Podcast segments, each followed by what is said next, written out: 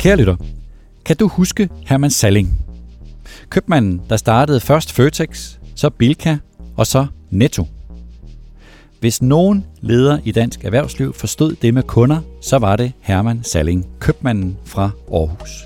Velkommen til vores lille sommerserie, hvor vi i en række små portrætter ser på de dygtigste historiske ledere i dansk erhvervsliv. Hvad var det, at de var så dygtige til? Hvad var det, at de kunne? Og kan vi i vores moderne tid lære noget af dem?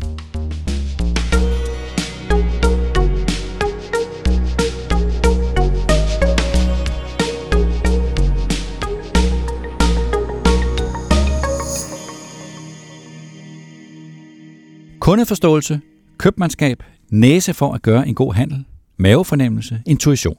Den slags er svært at lære, og især i en tid, hvor ny teknologi kan klare alt, eller i hvert fald næsten alt. Men Herman Salling var en købmand, og han havde de egenskaber. Og mit bud, det er, at han simpelthen var født med dem. Det var ikke noget, han tillærte sig. Det var noget, som han bare kunne. Herman Salling levede fra 1919 til 2006, og han skabte Dansk Supermarked i dag kaldet Salling Group. Han havde overtaget farens Ferdinand Sallings stormagasin i Aarhus i 1953. Det stormagasin, der helt tilbage i 1906 var startet som en manufakturhandel. Men Herman Salling ville mere, meget mere end bare at eje og lede et stormagasin i Aarhus, og i 1964 så åbnede han stormagasinet Salling i Aalborg. Herman Salling havde evnen til at fornemme kunderne, fornemme deres behov, og til at fornemme, hvor de var på vej hen i deres forbrugsmønstre, i takt med, at tiden og tidens nye teknologi og tidens nye vaner åbnede nye muligheder. Og det var med hjælp fra den værdifulde kompetence, at Herman Salling skabte fornyelsen af en dansk dagligvarehandel, som stod stille og som var moden til at blive udfordret i en tid, hvor produktion og også landbruget stadig fyldte mere i erhvervslivets selvopfattelse end dagligvarehandel og detailhandel.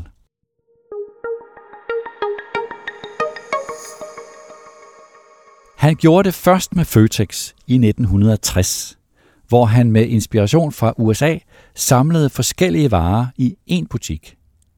Føtex er forkortelsen af fødevarer og tekstiler, og han læste tiden rigtigt. I 1960'erne forstod han, at detailhandlen var i opbrud.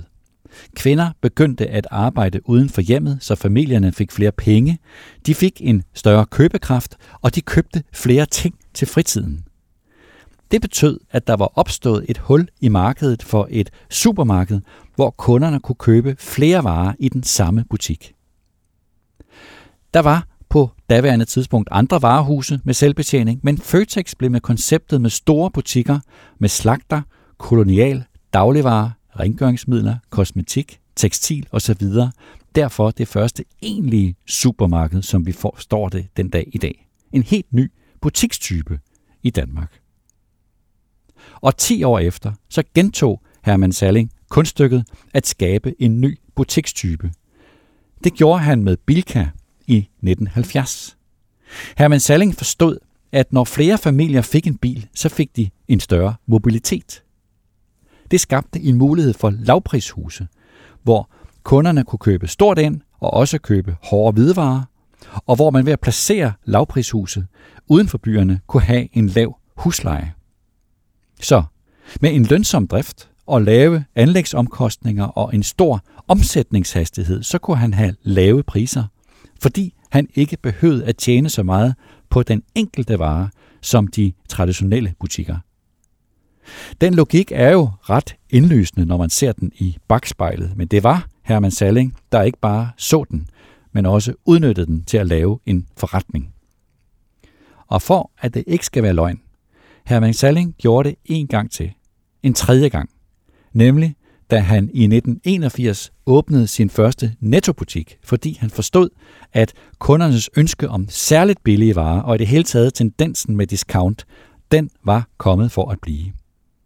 Det hører med til den historie, dog, at Herman Salling var mere tøvende den tredje gang end de første to gange. Han var lidt usikker på, om danskerne virkelig var parate til at acceptere et mindre udbud af varer og en dårligere service for at få de lave priser. Men efter nogle indledende betænkeligheder og efter at have jagtet tyske Aldis succes med discountbutikker i Tyskland, så slog han til med Netto-kæden, som vel har fået en klart større betydning for den danske dagligvarehandel, end både Føtex og Bilka viste sig at få.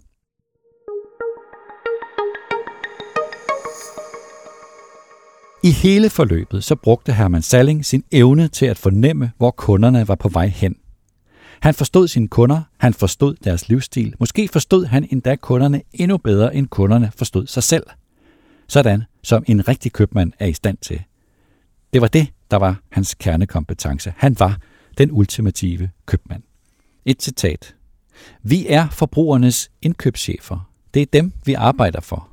Det er ikke os, der bestemmer, men kunderne, og deres dom er den strengest tænkelige. De kan blive væk. Hvis vi ikke gør vores arbejde godt nok, så har vi ingen eksistensberettigelse. Så let er det. Citat slut. Herman Salling til Børsens Nødsmagasin i 1996, hermed Søren Ellemoses biografi Giganten som kilde. Hans mangeårige samarbejde med medejeren af Dansk Supermarked, skibsrederen over i København, Mærsk Markine Møller, forløb i øvrigt uden problemer. Ikke underligt, når man ser på de to som ledere. De to mænd tænkte ens. En dyb kundeforståelse, en enkel tilgang til forretning, et ekstremt fokus på detaljer. De nærede en sund skepsis over for eksperter, og så havde de det særlige syn på kunsten at træffe beslutninger. At det galt ikke nødvendigvis om at komme først. Det kan nogle gange være fornuftigt at vente lidt, når der sker noget nyt, og lige lade nogle konkurrenter gøre sig de første erfaringer og måske brænde fingrene. Men når man ser, at en ny tendens er bæredygtig, så gælder det om at slå til og om at gøre det med stor beslutsomhed. I vores dage vil vi helt sikkert sige, at Hermann Salling og Mærsk Markine Møller var rigtig gode til eksekvering.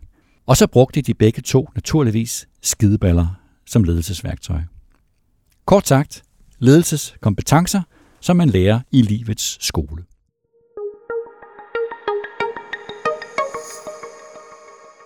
Det kunne have været spændende at se Herman Salling i dag. Hvordan ville Herman Salling have taklet nethandelens udfordring af den fysiske butik? Hvor hurtigt eller hvor langsomt ville han have rykket i forhold til e-handlen? Og hvordan ville han have vurderet de nye muligheder for live shopping? Og ville han have kastet sig over den nye teknologi, der giver mulighed for at sælge via sociale medier, nu også igennem for eksempel TikTok? Det er umuligt at svare på. Jeg ved det godt. Men mit bud er, at hans følelsesmæssige forståelse af kunderne ville have hjulpet ham i hvert fald til at finde en fornuftig timing.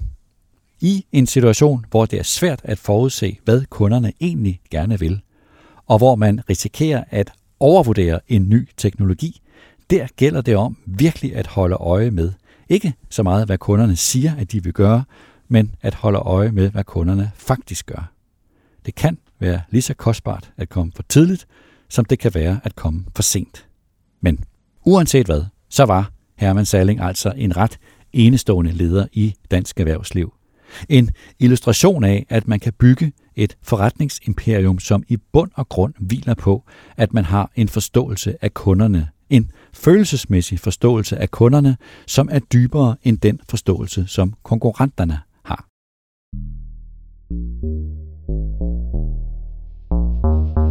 Det var denne udgave af podcasten Topchefernes Strategi. Tak til Peter Emil Witt, der redigerede optagelsen. Tak til dig, der lyttede med.